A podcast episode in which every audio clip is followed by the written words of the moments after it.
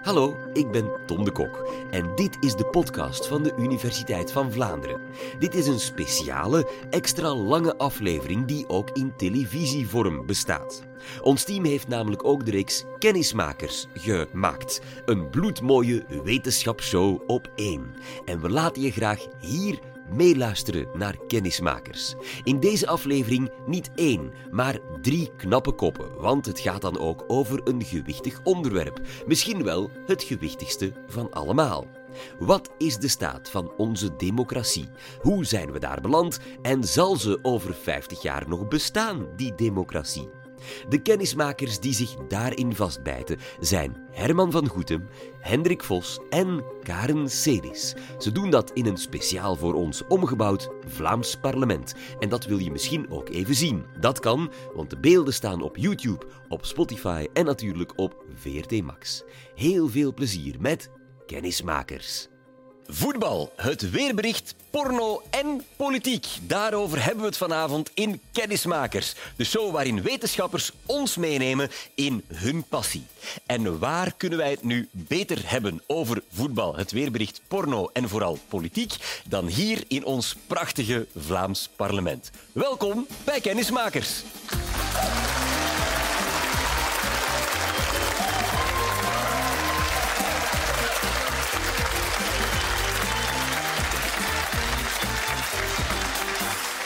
Dank dames en heren.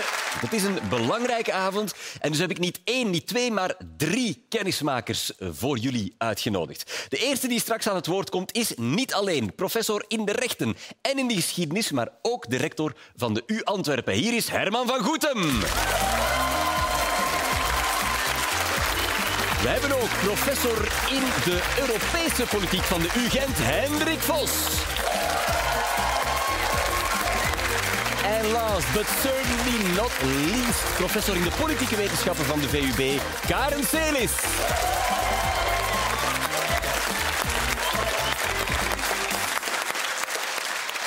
Karen, Hendrik, Herman, welkom. Ik vind het fantastisch dat jullie erin geslaagd zijn om uh, agendagewijs en zo hier vanavond te zijn, want jullie zijn druk bezette, wijze mensen. Maar ik moet al meteen iets bekennen, ik heb gelogen tegen ons publiek, tegen u thuis, want we gaan het helemaal niet hebben over voetbal, over het weerbericht, misschien terzijde over porno, dat weet ik niet zeker. Uh, maar dat zijn nu eenmaal drie onderwerpen die wel fanatiek opgezocht worden op het internet. Politiek helaas niet. Moeten we dat erg vinden, Karen? Uh, ja, ja, want dat is toch wel belangrijk. Uh, want uh, ja, de politiek houdt zich met u bezig. Dus misschien dat u dan toch beter ook een beetje met de politiek bezighoudt. Aha. Ik heb mijn huiswerk gemaakt. Want ik ben, en dat zal je straks ook zien, de straat opgetrokken. En ik heb volgens een beproefde spelformule 100 Vlamingen gevraagd waarom zij de politiek volgen. Nu, ik ga het al meteen spoilen. Een groot deel van hen antwoordde ik volg ik de politiek helemaal niet. Waarbij dan woorden als zakkenvuller of saai wel al eens vielen. Maar laten we het hebben over het deel dat dan de politiek wel volgt, want die zijn er gelukkig ook wel. Jullie mogen alle drie schokken. Waarom volgt een Vlaming dan wel de politiek? Herman. Om te weten hoe te stemmen. Hendrik? Iemand die naar het journaal kijkt voor de sport, die moet ja, eerst de politiek uitzweten. het is gewoon, er is niks anders op tv. En wat denk jij, Karen? Om, omdat ze het in hun portemonnee gaan voelen. En uh, ja, kan ik volgend jaar op congé of niet, zou ik ja. denken. Uh, we gaan eens kijken naar de vier topantwoorden, want jullie zitten er niet zo ver naast hoor. Op nummer vier staat eigenlijk een beetje wat Karen net zei. Het is superbelangrijk voor onze toekomst. Het gaat over ons. Hè. Zover zijn de meeste mensen wel. Uh, op drie staat een andere opvallende reden. Uh, ze vinden het gewoon best spannend. Dus het is een betere soap dan thuis of familie. Ze kijken voor de sensatie. Op twee, een, misschien iets wat onverwacht. Er zijn opvallend...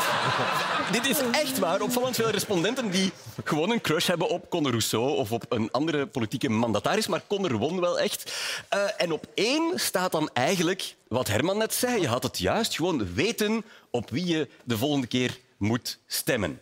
We gaan proberen om de democratie te redden. Bestaat onze democratie over 50 jaar nog? Daar gaan we naar op zoek. En omdat Age in dit programma Before Beauty gaat, mag Herman beginnen. We luisteren naar Herman van Goetem.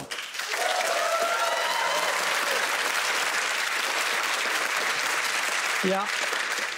Leven we hier over 50 jaar nog in een democratie? Het is eigenlijk een eigenaardige vraag, want je zou je de vraag kunnen stellen, is onze democratie dan in gevaar? En dan zou ik zeggen, ja, kijk, we zien toch vandaag de dag autoritaire regimes de kop afsteken. Bazige leiders hebben, zo lijkt het wel, de wind in de zeilen.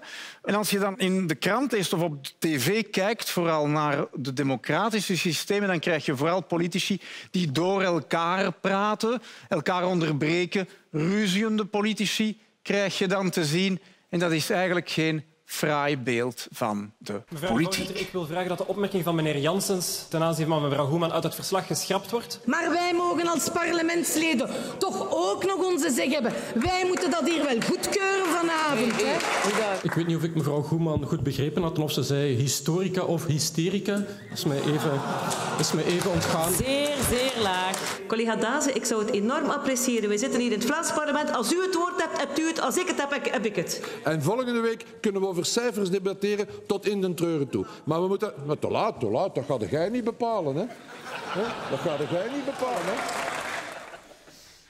Ja, als je dit allemaal ziet, dan kan je je eigenlijk afvragen of de democratie zijn beste tijd niet heeft gehad, of het niet een wat belegen, vervallen systeem is dat niet aangepast is. Maar dat is eigenlijk helemaal niet juist. Want ruzie maken is eigenlijk heel belangrijk. Het is een essentieel onderdeel van onze democratie. Toch als je ruzie maakt volgens de regels van de kunst, zonder elkaar te bedreigen. En dat is net zoals in een, in een goede relatie. Heel soms zit het er wel eens tegenaan en maak je ruzie met al te veel stemverheffingen. Als het te veel is, het is niet abnormaal. Ruzie en beter gezegd debatteren, fel debatteren, dat zorgt er ook voor dat de democratie wordt bijgeschaafd, dat we nieuwe wetten krijgen enzovoort, maar dat het systeem zelf ook wordt bijgesteld. De ene vindt zus, de andere vindt zo. We discussiëren een compromis en we wijzigen. Het is eigenlijk vanuit de discussie dat de democratie zelf ook evolueert. Ze verandert gaandeweg. Wij zijn hier nu in het Vlaams parlement niet bepaald opgericht in 1830. Dan was er maar één parlement, het Belgische parlement. Gaandeweg vond men dat er ook andere parlementen moesten zijn. En zo is dit parlement ooit ook opgericht. In 1830 in België vond men dat er een hoog democratisch gehalte had, dat systeem. België ging door als het meest democratische van alle landen in 1830 met stemrecht voor rijke mannen. Alleen rijke mannen. 4 procent van de mannelijke bevolking had stemrecht. Dat vond men een democratie. Later worden dan meer mannen. Op de duur hebben alle mannen stemrecht. En pas in 1948 vinden we dat ook vrouwen stemrecht moeten hebben. Alles verandert door de democratie, door het debat. Ook het partijsysteem. De voorbije jawel, 192 jaar is het partijsysteem in België fundamenteel veranderd. Oorspronkelijk, in de 19e eeuw, hadden wij eigenlijk maar twee partijen. Zoals de Verenigde Staten of het Verenigd Koninkrijk, die maar twee partijen hebben. We noemen zo'n systeem een meerderheidsstelsel. De partij die de absolute meerderheid verwerft, dat is dus 50 procent plus één stem. De partij die de absolute meerderheid verwerft, die heeft alle macht. The winner takes it all. Het voordeel van zo'n meerderheidsstelsel is dat de partij die verkozen is, die heeft alle macht. Het grote nadeel is dat dus het beleid geen rekening houdt met de minderheid. En dat je eigenlijk in twee kampen zit, politiek in twee kampen. Dat is zeer conflictueel, zeer polariserend. Als we bang zijn dat onze democratie verdwijnt, ja, wel, ik denk dat in landen met een meerderheidsstelsel die dreiging vandaag de dag groot is door iets relatief nieuw. De combinatie met sociale media. En de sociale media zijn op zich al zeer polariserend. En gecombineerd met het meerderheidsstelsel hebben we dus aan de ene kant politici die zeer absoluut één kamp vertegenwoordigen en wit bepleiten. En dan hebben we daarnaast ook die echokamers, geen publieke opinie, maar geclusterde opinies die elk alleen de eigen verhalen horen en elkaar opjutten. Die combinatie is denk ik een zeer gevaarlijk systeem die mij wat dat betreft voor de toekomst pessimistisch stelt.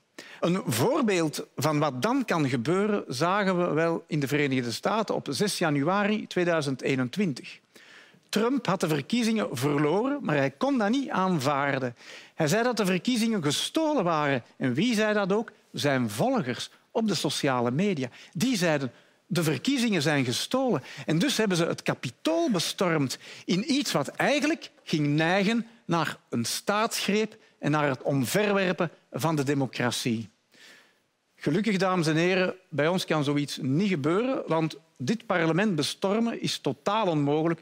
U komt in files te staan richting Brussel.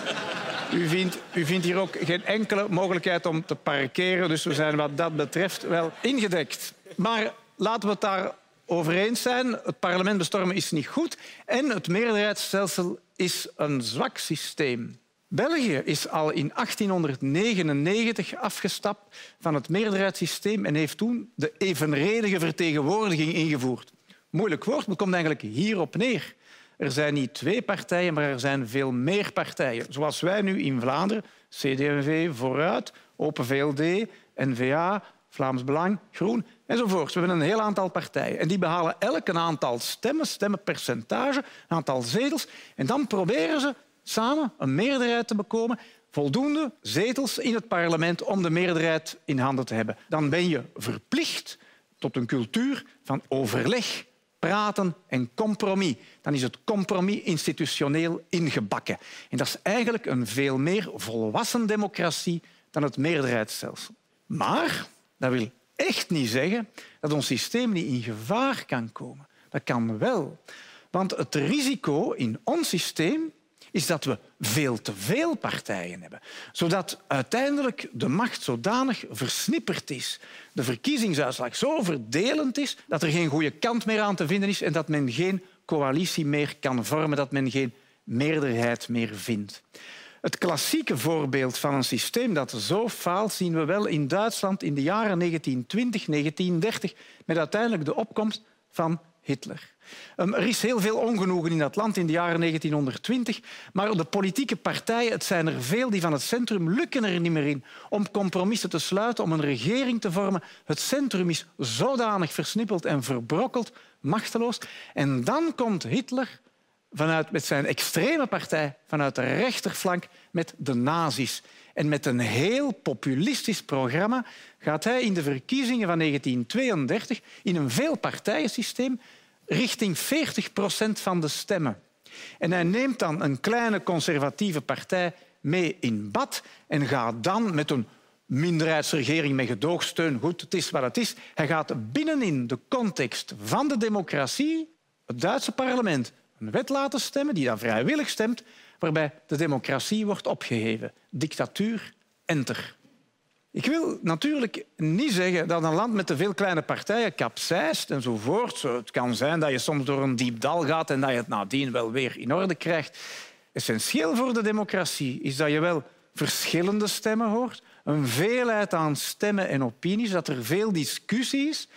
Maar dan is er ook, moet er ook een manier zijn om die meningen van die mensen te clusteren, te groeperen, om samen te werken. En dat is wat je dus moet doen om samen te werken moet iedereen dan wel water bij de wijn doen en toegevingen. Als we nu naar de sociale media gaan kijken, dan zie je eigenlijk dat daar vooral extreme meningen worden gehoord. Zeer extreme meningen. Dat komt omdat de meer gematigde bon mensen die met bonhomie vinden dat enfin, goed, we moeten met z'n allen het wel goed samen vinden, nietwaar? Die bon mensen maar die komen veel minder aan bod in zo'n fel gepolariseerde mediacultuur.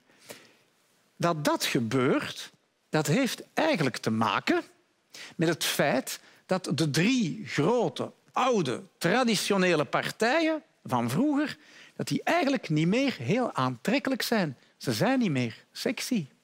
CD&V, Open VLD en Vooruit, dat zijn die drie partijen dat zijn eigenlijk partijen uit het verleden, 19e eeuw, begin 20e eeuw.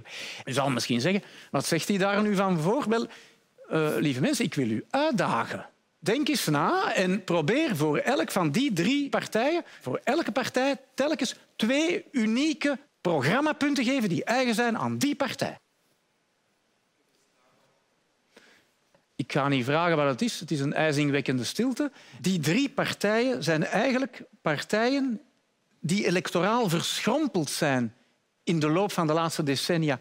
En dat is ook heel logisch. Als we naar die grafiek kijken, dan zie je hoe eigenlijk de bovenste grafiek is het CD&V en dan heb je vooruit en dan heb je de VLD. En je ziet hoe die lijnen doorheen de verkiezingen allemaal naar beneden gaan. En die convergeren in een dalende lijn. Intussen tijd, dat centrum is verschrompeld, maar intussen tijd zijn er in dat centrum wel, en dat is logisch, twee andere partijen bijgekomen. Dat is N-VA en Groen. Maar nu zitten ze met vijf in één bed. En dus Indien wij eigenlijk een stabiel en evenwichtig beleid willen hebben, dan is, denk ik, in ons landschap een herprofilering van dat centrum nodig door een fusie van centrumpartijen, van vijf naar vier, misschien zelfs naar drie, waarbij je vooral een centrumrechtse partij moet hebben en een centrumlinkse partij, duidelijk geprofileerd rond de hedendaagse problemen van vandaag. Dat is, denk ik, wat we nodig hebben. En belangrijk daarbij is dat dat duidelijke programma's dus zijn, goed uitgewerkt, genuanceerd vanuit een globale visie vandaag. Ja. Maar nu kan je je misschien ook afvragen, ja, maar eigenlijk zoveel politieke partijen, een fusie van partijen, hoe moeilijk gaat dat zijn? Ja, ik wil die de kost niet geven, inderdaad. Maar misschien schaffen we de partijen beter af. Kunnen we niet veel beter gewoon rechtstreeks besturen, rechtstreekse democratie? We stellen de vragen aan de bevolking Iedereen mag vrij zijn mening geven.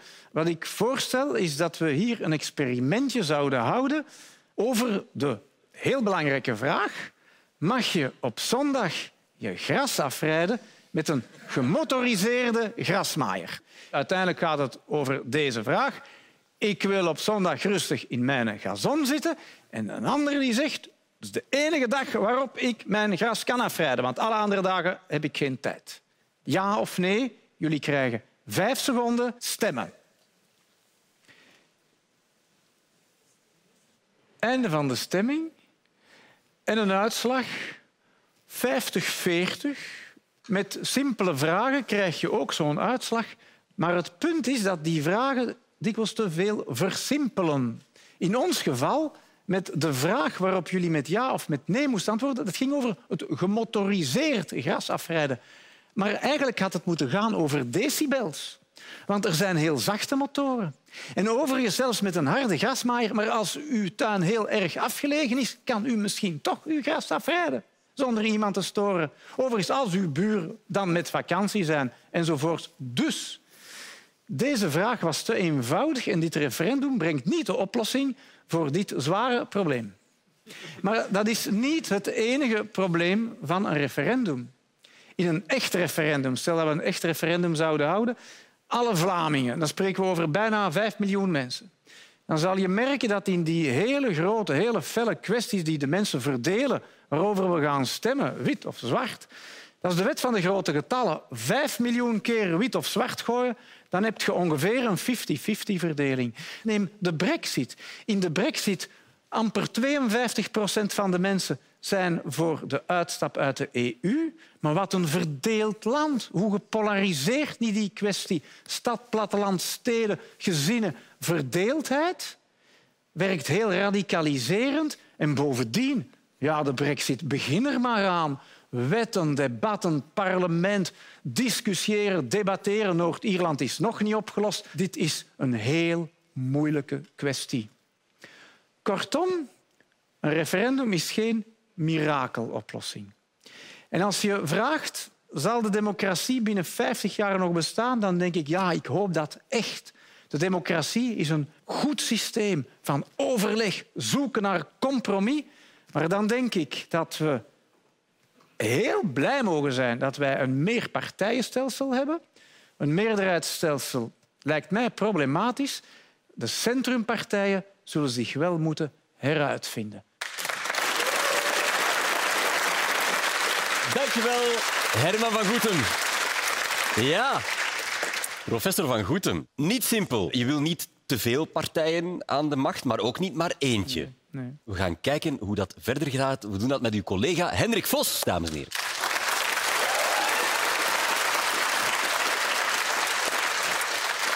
Hendrik, een sterk centrum, dat is wat Herman van Goetem hier bepleit heeft. Hoe bouw jij verder op dat fundament? Waar ga jij het over hebben? Ik ga het hebben over de politici. Democratie heeft ook nood aan een, ja, aan een bepaald type van politicus. Ik ben heel erg benieuwd welk type dan. We luisteren naar Hendrik Vos. Als je wilt, Tom, dat de democratie blijft bestaan, dan heb je niet alleen geloofwaardige partijen nodig, daar heeft Herman het over gehad, maar ook geloofwaardige politici. En dat zijn niet per se van die saaie paters in een grijs kostuum die alles met veel ingewikkelde woorden aan elkaar breien. Dat zijn ook niet per se van die flamboyante roepers die tweeten en kwaken dat een probleem altijd simpel is en dat je alles met een vingerknip kan oplossen. Geloofwaardige politici, denk ik, dat moeten eerlijke politici zijn. En ja, ik zie je al kijken, zo van eerlijke politici, is dat zoiets als eerlijke garagisten? Maar, ja. ja, er zit een garagist in de zaal. Uh, ik heb zelf trouwens een dood eerlijke garagist. Ah, ik denk dat toch. En eh, ik, ik, denk ook dat er eerlijke politici zijn. Misschien wat weinig, dat wel. Eerlijke politici, dat zijn natuurlijk politici die niet corrupt zijn en, en die niet foefelen en, en uiteraard niet ritselen. Maar ik bedoel er nog wat anders mee. Met eerlijke politici. Nu, ik hou mij bezig met Europese politiek. En ik weet het, hè, dat klinkt saai. Er zijn, er zijn heel weinig mensen die daar spontaan opgewonden van raken. Maar het is wel belangrijk. Wij zijn met die eenmaking in Europa begonnen na de Tweede Wereldoorlog. Toen wij elkaar voor de zoveelste keer bijna hadden uitgemoord. En we begonnen toen samen te werken rond kolen en staal. We zijn daar intussen meer dan een halve eeuw mee bezig. En vandaag kan je het zo gek niet bedenken of Europa maakt er wetten en regels rond. En de reden is simpel. Landen zijn vandaag elk apart gewoon te klein om nog met de uitdagingen van deze eeuw om te gaan. Je moet samenwerken. Als je het klimaat wil redden, als je pandemieën wil bestrijden of grootschalige belastingontduiking, als je migratiestromen in goede banen wil leiden, ook als je economisch nog wil meespelen in de wereld van vandaag. Landen apart kunnen dat niet meer. Dus doen we heel veel dingen samen of we proberen dat. Wij nemen in Europa beslissingen over grote dingen, over kleine dingen. Soms gaat dat gemakkelijk, meestal gaat dat moeilijk. En het duurt ook lang. En heel vaak heb je het gevoel van, god, daar in Europa, ze modderen toch maar wat aan. Wat een geploeter altijd. En dikwijls wordt daar ook aan toegevoegd van, ja, zo'n Europese Unie, dat kan toch niet democratisch in elkaar zitten. En dat is onzin. Je kan het heel hard oneens zijn met een Europese beslissing. Je kan ze dwaas vinden of belachelijk. En dat mag je vinden. In een democratie mag je dat vinden. Maar je kan niet zeggen dat het per definitie ondemocratisch is. Ik zou eigenlijk nog meer zeggen. Als Europa teleurstelt, bij een crisis niet snel reageert, maar ter plaatse trappelt, dan komt dat misschien wel omdat Europa soms te democratisch is. Iedereen heeft inspraak. Je wil iedereen zijn zin geven en ja, dan dreig je je op een bepaald moment vast te rijden. Want meningen lopen altijd uiteen. En we hebben een experiment gedaan waarbij we zeven mensen, zeven heel verschillende mensen hebben samengebracht. Voilà, de onverbiddelijke zoener zit erbij. Uh, mensen in het groen, mensen in het oranje. Iemand die wat stiller is. Het lachenbekje zit er ook bij. Uh, mannen, vrouwen, jong, oud. En zij moesten in een restaurant uit een menukaart met vijf gerechten beslissen wat ze zouden eten. Ze moesten één gerecht kiezen en dat zouden ze dan allemaal eten. Oh, we kunnen naar de kaart kijken. Ja. Okay. Laat u verrassen. Zet zien met pinda. Ja, daar gaan we. Kimchi, lekker. Pinda mag ik niet. Bij mij gewoon niet te prepareren, want dat moet ik echt overgeven. Echt, echt overgeven. Ik vind dat we eerst moeten kijken naar de allergieën. Pinda is voor mij dodelijk. Maar misschien doen ze dat wel in een potje. Nee, dat is altijd over de... Dat is zo in Nederland doen, dat er zo over... Dat er zo wat smeug wordt, dus dat kun je er niet af trekken. Je, heb je geen pincetje mee? Het is niet simpel, hè? Het vraagt ook tijd, hè? Wordt ook een beetje ruzie gemaakt. Hè? We hebben tijdens het experiment de messen moeten weghalen. Hè? En ze moesten eruit komen. Anders kreeg niemand eten. Dat is een beetje zoals in Europa. Over alle mogelijke kwesties heb je heel uiteenlopende meningen. De Deen wil dit, de Oostenrijker wil dat, de liberaal dit, de nationalist dat, de Belg wil een uitzondering. Voor de Nederlander mag het niks kosten. Enzovoort. Ja, eruit raken is moeilijk. Je zit met 27 landen rond de tafel. Met heel verschillende gevoeligheden, prioriteiten, belangen. En in het Europees Parlement zitten meer dan 700 vertegenwoordigers, rechtstreeks verkozen en allemaal met hun eigen overtuiging. En als je dan samen beslissingen neemt, ja, je, je moet daar geen tekening bij maken. Je moet water bij de wijn doen. Er staan nog vier andere gerechten op ook, hè? zonder pinden. Nee, nee, drie andere, want die filet Amerikaan, dat gaat niet gebeuren. Dat is, ook, dat is met frietjes. Dus je, je kunt de frietjes opeten. En Ja, maar als al in de buurt ervan geweest en vaak doen ze er ook nog zo... Is dat niet met dat rauw ei erop? Ja, hè? met kappertjes aan erop. Ja, zie, dat snap ik ook wel. En kappertjes Ah, wel, zo nog- ja, zei niet, dat gaat echt niet. Als ik dat zie, dan moet ik al overgeven. Dus dan moet ik die frieten ook niet hebben. Als ik individueel zou mogen kiezen, is het het eerste, de kip, ofwel de chili con carne. Is er iemand die geen chili con carne lust? Dit vind ik niet pikant. Ah, ja. Maar als je er, er zit ook vaak zo'n rijstbrood bij. Als je daar gewoon zo'n beetje... Rijst vind ik ook al niet lekker. Die falafel, of is het falafel, wat is het falafel? Van die falafel kan ik gewoon op zich niet veel eten, want die lebne, dat is, dat is ja, lactose en dat brood is gluten. Kunnen we de falafel en het broodje al schrappen? Ja, dan moet er gestemd worden. Ah, wel, maar er voor chili con carne? Oh, Ik ben erg teleurgesteld. Ja. Je kunt die vleesbrokjes eruit halen. We zullen zien. Hè. Eh, zevenmaal chili con carne, alsjeblieft. Het werd chili con carne, geen falafel. En het straffe is, niemand had daar echt, echt zin in, in die chili con carne. Maar het is wel de gemeenschappelijke keuze geworden die door een grote meerderheid gedragen werd. En in Europa is dat ook zo. In bijna alle gevallen moet een beslissing gedragen worden door een meerderheid in het Europees Parlement en door een grote meerderheid onder de lidstaten, een soort tweederde meerderheid. Maar op sommige vlakken is er zelfs unanimiteit nodig.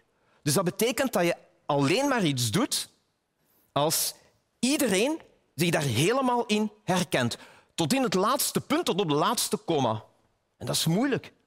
Als je alleen maar een beslissing neemt als iedereen zich daarin herkent, dan, ja, dan zal je niet veel kunnen beslissen. Dat klinkt superdemocratisch. Hè? Je zal niemand iets door de strot duwen, maar in de praktijk zal je niet veel beslissen. Dus ja, wordt het een beetje ploeteren, een beetje strompelen, voortmodderen, zo van kleine stapjes zetten vaak, hè? van deeloplossing naar deeloplossing en telkens proberen om met al die uiteenlopende bekommernissen wat rekening te houden. En ja, dat ziet er niet altijd zo mooi uit. Dat ziet er niet altijd zo fraai uit. Al dat geploeterd. Het is ook heel gemakkelijk om achteraf kritiek te hebben op een beslissing. En in ons restaurant was dat ook zo. Vond het eigenlijk op zich niet zo lekker. Maar er stonden veel dingen op dat ik niet echt kende. Allee, smaak. Allee, smakelijk. Ik eet sowieso al niet pikant. Die bonen in, in de chili con carne zitten is ook niet mijn ding. Ik vind dat we goed gediscussieerd hebben, maar wel met respect voor elkaar. Want in het begin hebben we een aantal standpunten ingenomen. Bijvoorbeeld dat we aandacht gingen geven aan allergieën. Dus hebben we die gerechten sowieso al geëlimineerd. Ik was heel blij dat het eh, punt van allergieën ter sprake kwam, want ik zou zelf ook geen gerecht hebben willen kiezen waar iemand aan allergisch is.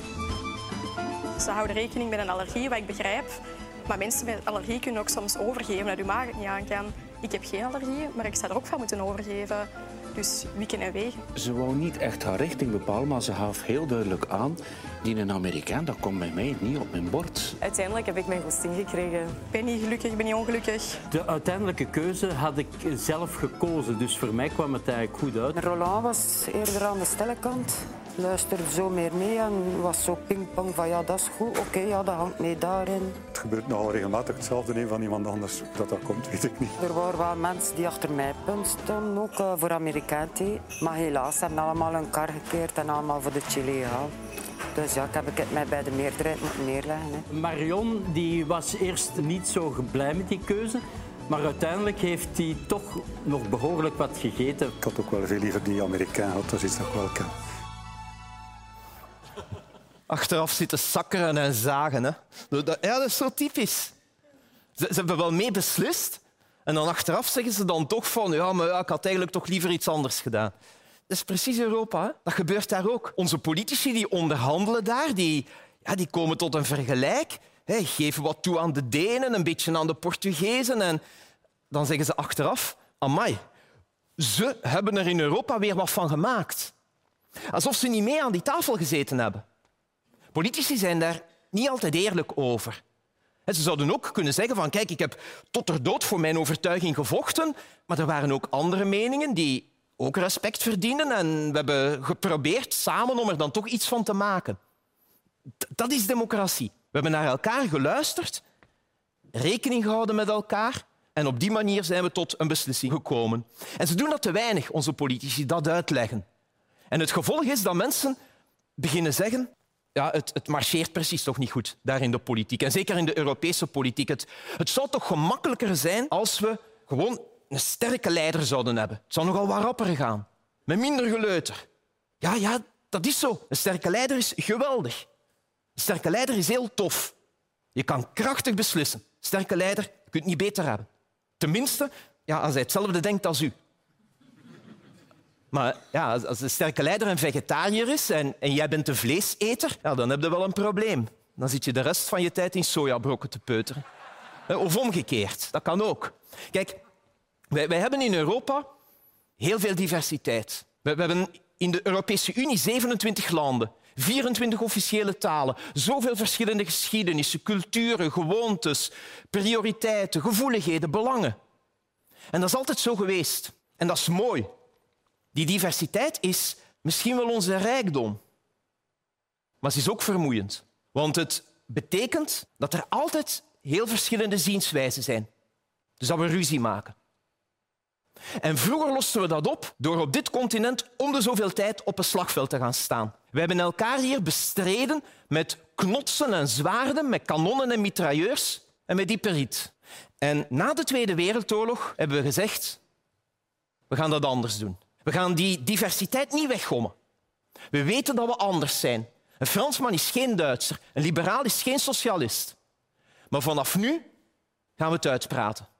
We zitten aan de tafel, we praten met elkaar, we palaveren, we luisteren, misschien maken we ruzie. Het zal dikwijls tijd vragen voordat we eruit raken. Maar we gaan niet meer op het slagveld staan. Het kan zijn dat we zitten te ploeteren en te strompelen. Het zal niet altijd mooi zijn om naar te kijken, maar we gaan niet meer vechten. En we aanvaarden niet dat één iemand zomaar zijn mening doordrukt, zonder rekening te houden met de rest. Dat, dat is democratie. Dat is een model. Dat is een keuze. Je kan je ook anders organiseren. Dat kan. De Chinezen die doen dat anders. De communistische partij beslist iets en dat zal het zijn. En wat de Tibetanen of de Oeigoeren daarvan vinden, dat maakt niet uit. Die hebben niets te zeggen. Dat is ook een model. De manier waarop Rusland bestuurd wordt door Poetin, ja, dat gaat rapper. Dat is krachtiger, minder geleuter.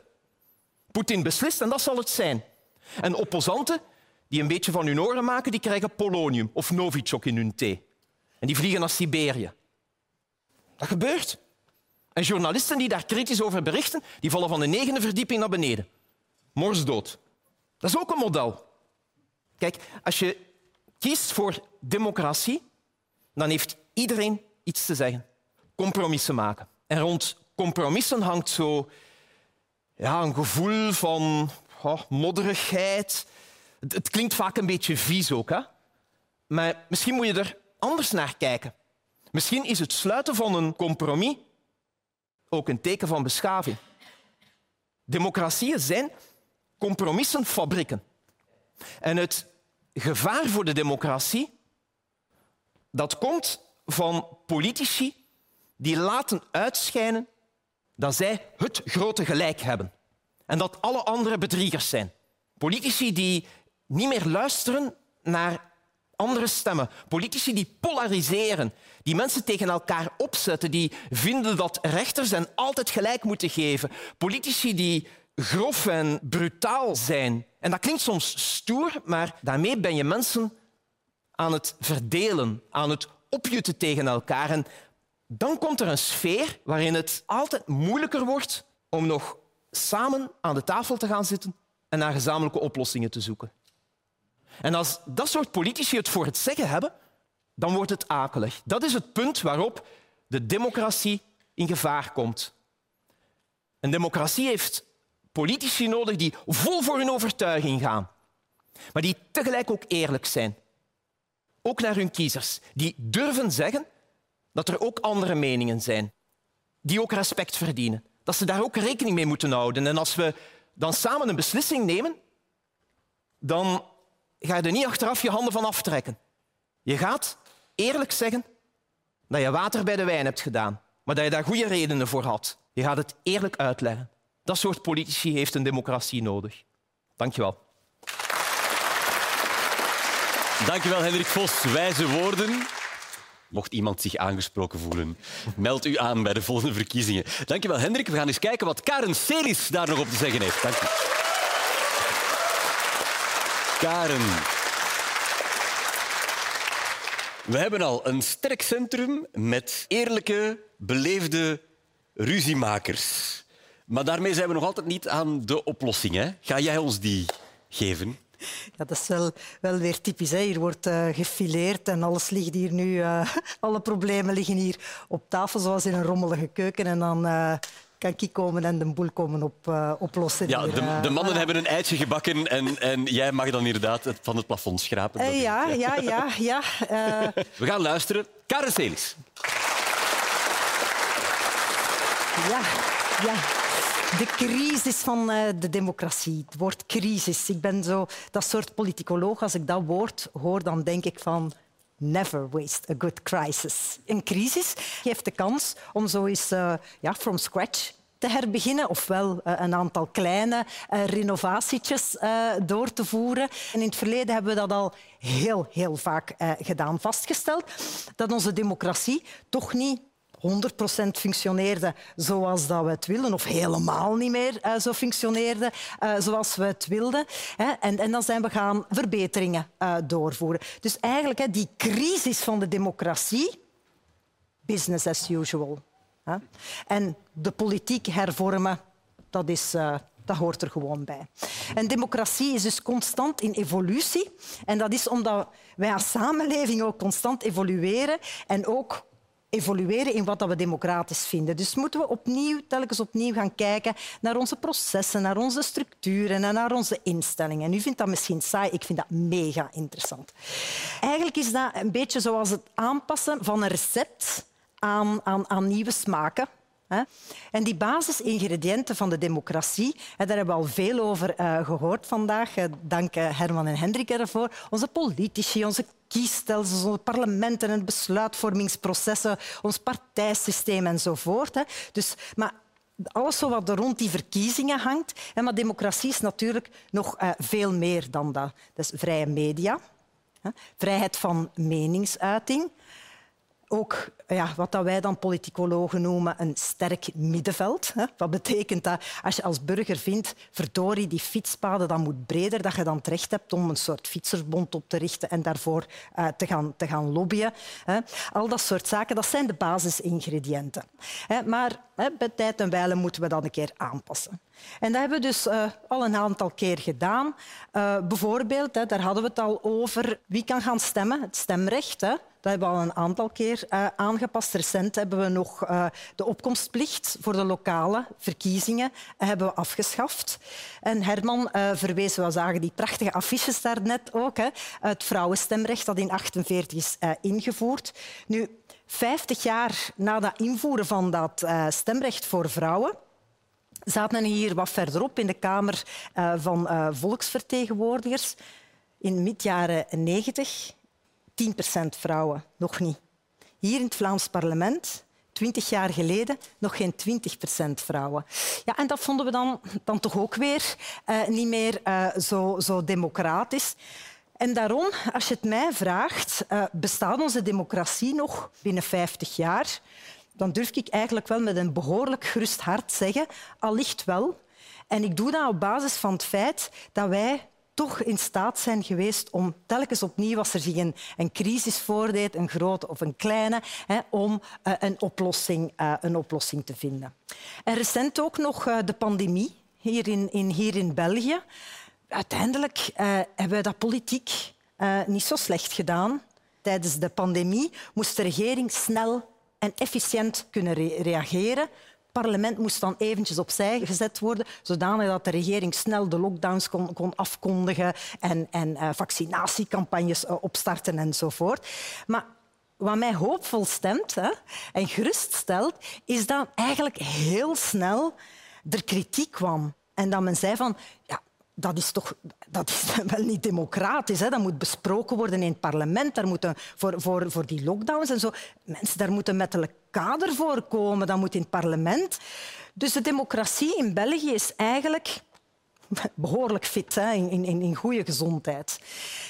Een democratie kan dus echt tegen een stoot, kan echt iets hebben, maar heeft wel hè, constante zorg uh, en aandacht uh, nodig. Dus we moeten wel altijd heel alert, heel waakzaam zijn. En uh, als dokter in de politieke wetenschappen, als ik de, de patiënt, de democratie onderzoek, en zoals ik al zei, samen met mij heel veel andere politicologen, dan komen wij toch wel tot de conclusie dat er een aantal, een aantal kwalen zijn waar dat we echt dringend uh, iets moeten, moeten aandoen.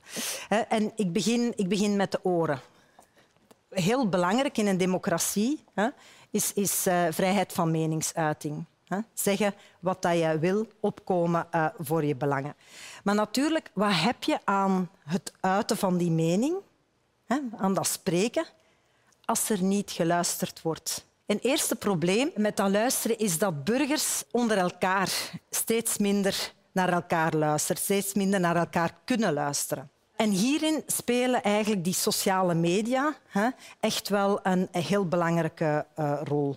Sociale media uh, leiden er namelijk toe dat je enkel nog gelijkgezinden hoort. Hè. Mensen die op eenzelfde manier in het leven staan of op eenzelfde manier over uh, thema's denken zoals jij. En daar zorgen die fameuze algoritmes voor. Wel, hoe werkt dat? Wel, als je naar een website gaat, dan denk je, en ik heb dat ook heel lang gedacht, dat wat dat jij ziet, dat iedereen dat ziet. Maar dat is niet zo.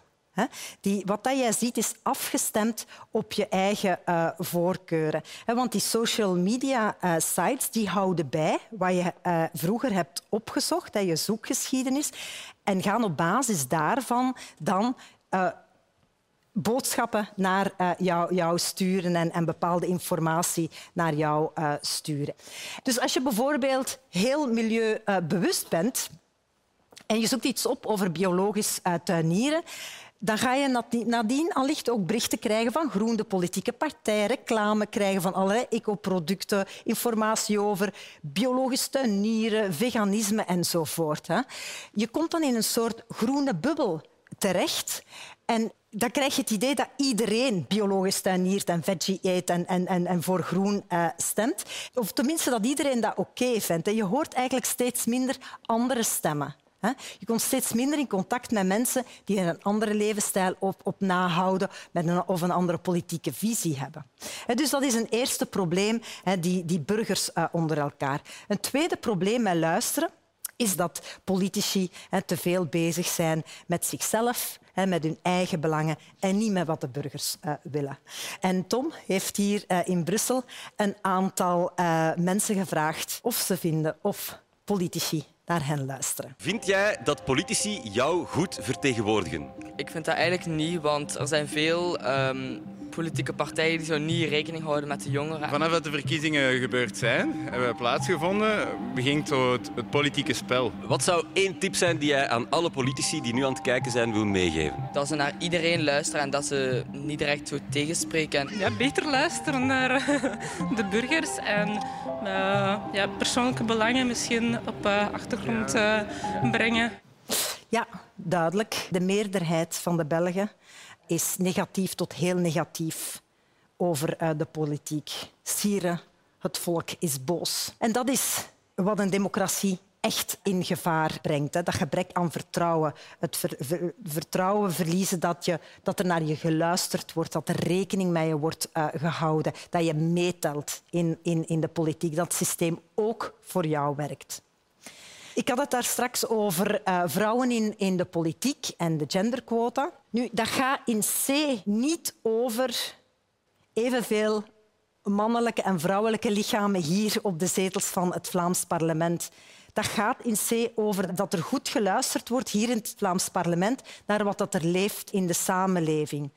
Dat er een goede connectie is tussen wat het volk wil en wat de politiek uh, beslist. En de reden waarom dat, uh, vrouwen meer vrouwen in de politiek wilden en ijverden voor genderquota, was dat de politici beter konden luisteren naar wat die vrouwen in de samenleving willen.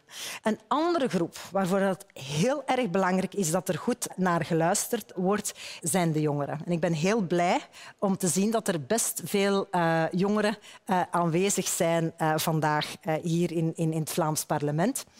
Dus jongeren, we hebben uh, Tom nog wat extra werk uh, gegeven. En hij heeft hier aan een, aantal Vlaamse volksvertegenwoordigers gevraagd hoe zij ervoor zorgen dat ze goed naar jongeren kunnen luisteren en dat ze hen uh, goed kunnen vertegenwoordigen. Hoe bereik jij jongeren? Ik denk dat het belangrijk is om één te praten over waar jongeren echt van wakker liggen, wat vaak veel te weinig gebeurt in de politiek. En twee, dat te communiceren via kanalen waar jongeren ook actief zijn. Ik was een van die politici die durft experimenteren met TikTok bijvoorbeeld. Daarnaast mag ik er ook een heel belangrijk punt van om, als ik een uitnodiging krijg voor een schooldebat, daar, als mijn agenda toelaat, of zelfs mijn agenda voor vrij te maken, daarop in te gaan. Ik kom heel veel op scholen en dan, dan probeer ik altijd met heel veel jongeren te praten over waar dat zij in het onderwijs, maar ook veel breder, um, van wakker liggen. Je spreekt eigenlijk echt wel van, vanuit concrete gevallen die je dan eigenlijk met cijfermateriaal en dergelijke meer probeert te gaan staven om die boodschap zo sterk mogelijk te gaan brengen. Je moet natuurlijk luisteren wat er, wat er leeft,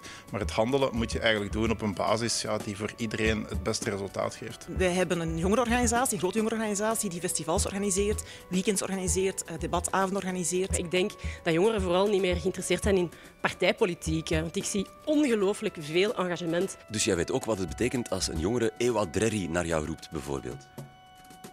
Ja, Drerry, dat is... Uh, ja, dat is een... Uh, nee, eigenlijk niet. Ah. Wat, ik, wat ik wel geleerd heb intussen, is dat je niet probeer, per se moet proberen een jongere te zijn om jongeren te kunnen begrijpen. Uh, ik denk dat je vooral met hen in gesprek moet gaan, maar je moet wel weten wat zij daarmee bedoelen als zij natuurlijk dat taalgebruik gebruiken. Hm. Ze doen duidelijk heel wat, maar toch ben ik er niet gerust in. Uh, dat onze politici voldoende uh, connecteren met jongere mensen, hun taal spreken. Op een manier een politiek doen uh, dat jongeren vinden dat dat iets is waar dat ze zich moeten mee bezighouden en mee willen bezighouden. En, by the way, Ewa Drerry betekent hey gast. ja, ik heb het ook moeten opzoeken. Dus, of iemand heeft het mij verteld. Uh, nu, als politici er niet in slagen om die jongeren bij die politiek te betrekken, de jongere thema's aan te dra uh, dragen, met hen goed van gedachten te wisselen, uit te leggen waar dat politici dan mee bezig zijn voor jongeren en waarom dat ze bepaalde beslissingen nemen en andere niet of niet kunnen enzovoort, dan zitten we met een, met een serieus democratisch probleem op termijn. Oké, al die problemen, wat kunnen we, wat kunnen we daar nu uh, aan doen? Hè? We kunnen burgers bij elkaar brengen uh, om zelf beslissingen te laten nemen. In IJsland schrijven burgers mee aan de nieuwe grondwet. Een andere manier zijn referenda. Hè? Herman wees er al op dat dat problematisch kan zijn. Dus dat is zeker niet de magic bullet. Maar het kan wel een ingrediënt zijn in, ons, in ons nieuw recept. We kunnen experten een centralere rol geven. Hè? Dat kan helpen bij het opkrikken van het vertrouwen in een aantal politieke beslissingen. We zouden hier bijvoorbeeld in het Vlaams parlement een volledig nieuw soort vertegenwoordigingsproces kunnen installeren. Dat kunnen we doen. Wat we bijvoorbeeld zouden kunnen doen, is voordat er een wet gestemd wordt, dat we geen burgers loten om die wet hier te komen bespreken, maar wel vertegenwoordigers van groepen die hè, op, een, op een verschillende manier nadenken over dat probleem waar dat er een wet over gestemd moet worden. En die zouden dan hier in dat Vlaams parlement uh, kunnen komen aan, aan die politici eens uit te leggen wat het probleem is en wat ze nodig hebben uh, om, om uh, gelukkig te zijn. Dus om af te sluiten moeten we ons zorgen maken over de democratie. Jazeker. Er zijn een aantal bedreigingen die dat we maar beter ernstig nemen. Polarisatie, dat deconnecteren van de burger van de politiek.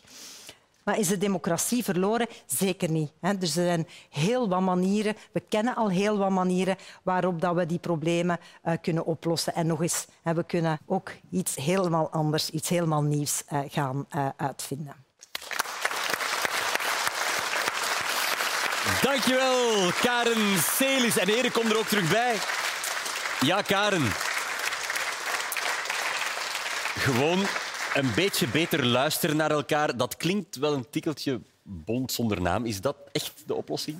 Uh, wel, eigenlijk uh, komt het daar heel vaak Ja. op neer, maar dat gebeurt inderdaad niet vanzelf. Daar gaan we echt wel heel stevige systemen voor in het leven moeten roepen. Ja, we hebben veel, heel veel food for thought van jullie gekregen. Dank je wel, alle drie, voor jullie professionele licht op eh, de zaak van onze democratie. Maar ik wil toch nog heel even naar jullie persoonlijk aanvoelen peilen. Zijn jullie nu optimistisch of pessimistisch over de toekomst van onze democratie? Herman. Fundamenteel ben ik optimistisch omdat ik denk dat ons vermogen om crisissen op te lossen heel groot is. Jij bent het daarmee eens, Hendrik? Ja, ik ben ook hoopvol, Tom. En het doet mij een beetje denken aan wat Winston Churchill wel eens zei over democratie. Namelijk dat dat een heel vermoeiend systeem is, dat je daar je te pletter aan kan ergeren, dat dat eigenlijk vreselijk in elkaar zit, maar je vindt geen enkel ander systeem dat beter is. En Churchill loste dat op met veel middagdutjes. Aha, nog eens nog goed over slapen. Karen, wat denk jij? Moeten we optimistisch naar de toekomst kijken? Ja, we moeten, en, dat is, eh, en dan zeker eh, in onze branche is dat ook een eh, professionele plicht. Hè? De handdoek in de ring gooien is geen oplossing. We moeten gewoon eh, heel goed analyseren wat het probleem is om dan eh, met, eh, met de juiste oplossingen te komen. Mijn bomma Zaliger zou zeggen, als je denkt dat je het beter kunt, moet het vooral zelf doen. Zou, zou het iets voor jou zijn, de politiek? Maar ik, ik, ik sta voorlopig goed waar dat ik nu sta, namelijk aan de kant waar dat de politiek onderzocht en geanalyseerd wordt. Ja. Eh, maar ja, ne- never say never, eh, zei mijn eh, grootmoeder eh, Zaliger. Ja, Ja. Haar Engels was goed. Word jij wel eens gebeld, Hendrik? Goh, Tom. ik, ik, ik doe gewoon mijn huidige job zo graag. En kijk, voilà, die brengt mij ook in het Vlaams parlement. Ja. Ik moet daar geen politicus voor worden. Ze hebben je toch binnengelaten. Herman van Goetem, ga jij ooit in de politiek? Niet nodig. Ik doe aan politiek, want ik geef politieke geschiedenis. Ik doe onderzoek over politiek. En ik ben rector, dus dat is eigenlijk wel heel goed. hoor. Ja, eh, blijf dat dan ook vooral nog maar even. Dames en heren, maak ik een zeer groot applaus voor onze kennismakers. Herman van Goetem, Hendrik Vos en Karen Celis. Dank je wel. Voilà, wij hebben weer heel wat kennis gemaakt. En wat hebben wij onthouden? Politiek kan even spannend zijn als voetbal, even sexy als porno en vooral even onvoorspelbaar als het weer. Als je niet genoeg kan krijgen van wetenschap, check dan vooral even de programmapagina van de Universiteit van Vlaanderen op VRT Max en ook de podcast die erbij hoort. En voor nu, bedankt voor het kijken. Graag tot een volgende keer.